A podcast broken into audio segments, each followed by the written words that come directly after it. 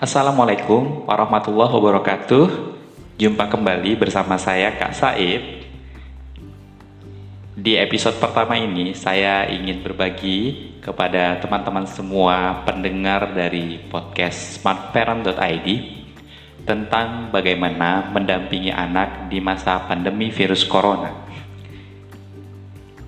Sudah dua bulan lebih ya, mungkin uh, hampir tiga bulan saya dan mungkin kita semua hanya di rumah saja. Apalagi sejak PSBB atau pembatasan sosial berskala besar diberlakukan sudah satu bulan lebih dan mungkin terus diperpanjang hingga mendekati lebaran atau mungkin setelah lebaran nanti. Praktis kehidupan kita sehari-hari mulai berubah akibat virus corona. Salah satunya adalah bagaimana kita harus mendampingi anak secara full di rumah. PSBB membuat ruang gerak kita menjadi terbatas.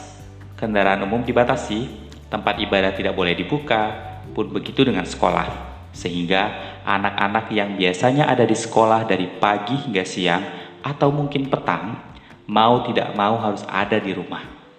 Inilah di mana kerepotan dimulai.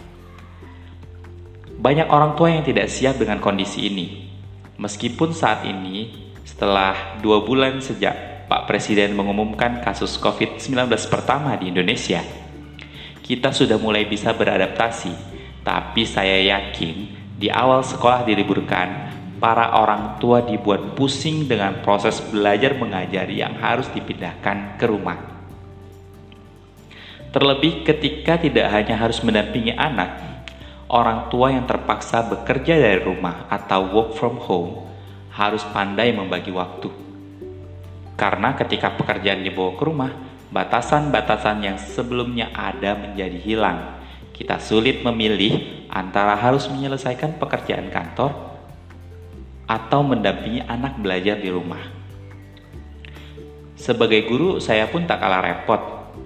Meski sudah terbiasa dengan anak di sekolah, mendampingi anak sendiri di rumah jauh lebih menantang. Ini tak lain karena anak kita sendiri paham dan tahu betul celah orang tuanya itu.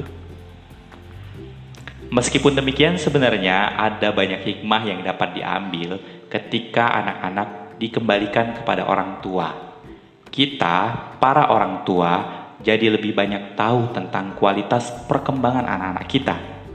Kita bisa tahu di mana kesulitan mereka belajar, kita bisa tahu sampai di mana kemampuan membaca dan berhitung mereka. Dan yang paling disyukuri adalah kami, saya dan istri bisa mendampingi ibadah mereka di rumah. Karena di tempat kami dianjurkan untuk sholat hanya di rumah.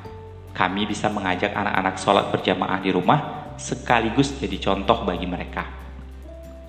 Ya, dua bulan terakhir ini Alhamdulillah anak pertama kami yang sebentar lagi masuk SD sudah tidak perlu lagi disuruh-suruh untuk sholat.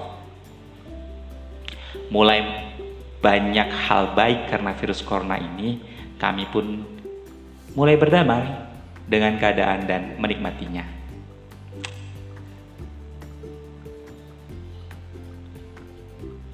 Setelah berdamai dengan keadaan, langkah berikutnya adalah mengubah hal-hal yang tadinya merepotkan menjadi sesuatu yang menyenangkan. Setelah ini, saya akan share kepada teman-teman semua apa saja nih 5 tips mendampingi anak di masa pandemi virus corona. Hal-hal inilah yang juga kami lakukan di keluarga untuk mendampingi anak kami di rumah sehingga sehari-hari selama karantina menjadi lebih menyenangkan.